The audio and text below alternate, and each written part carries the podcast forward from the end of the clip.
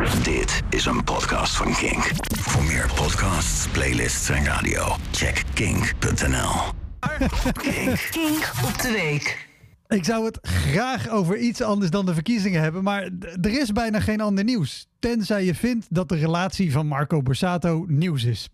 En in dat geval bedankt namens Johan Flemings, want dan heb je waarschijnlijk ook gestemd op zijn feestpartij.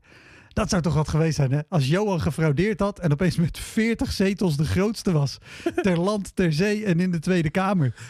Iedereen zou de fraude gelijk doorhebben, want alle stemmen zitten onder de confetti. Maar toch, weet je, geen gedoe over links of rechts, maar gewoon iedereen van links naar rechts.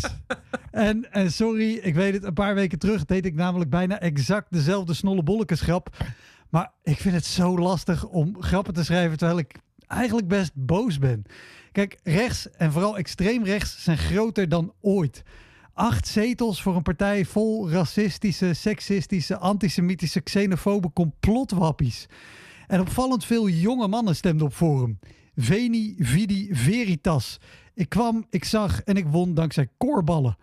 En nog een geluk dat het er maar acht zijn, want ze hadden gerekend op 20 zetels. Dat gevoel van onoverwinnelijkheid zie je wel vaker bij mensen die heel veel kook snuiven. Lavendel, lavendel, sorry. Zei ik kook? Goed. Maar acht zetels. Het was meer dan een half miljoen mensen die stemden op de partij van hij, wiens natie niet genoemd zal worden. Naam, naam, sorry. Zei, zei ik nazi? Eén van die acht zetels is voor Hans Smolders. Dat was vroeger de chauffeur van Pim Fortuyn. De man waar rechtse kiezers nog altijd een hard stempellood van krijgen. En Hans zit in Tilburg in de gemeenteraad. En hij is provinciale staatslid. En hij zit dus nu in de Tweede Kamer. En hij verdient daarmee bijna 12.000 euro per maand. Schappig hè? Het is geen buitenlander. En toch pikt hij drie banen in. En hij loopt lekker binnen van jouw belastingcenten. Over binnenlopen van belastingcenten gesproken. Koning Willem-Alexander hield vorig jaar tijdens de dodenherdenking een hele indrukwekkende speech. Hij waarschuwde voor het gevaar dat dreigt als we normaal maken wat niet normaal is. Talkshows en programmamakers praten nu keer op keer vrolijk met extreem rechts omdat het zo lekker scoort in de kijk- en luistercijfers. En als dan een comedian, geen journalist, een comedian, de gast op zijn woorden en daden aanspreekt, biedt de redactie haar excuses aan. Dat je boos bent over 10 jaar VVD-beleid is heel normaal. Dat je onzeker bent over de toekomst is heel normaal. En dat je de coronamaatregelen meer dan zat bent is zeker heel normaal.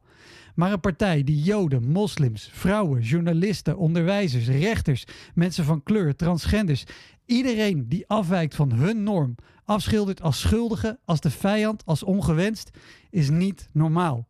Het was niet normaal, het is niet normaal en het mag nooit normaal worden. En als je toch iets wil dat normaal lijkt, maar niet normaal is, zet dan maar een plaat op van Jovink en de Voerde Beatles. Dit was een podcast van Kink. Voor meer podcasts, playlists en radio, check kink.nl.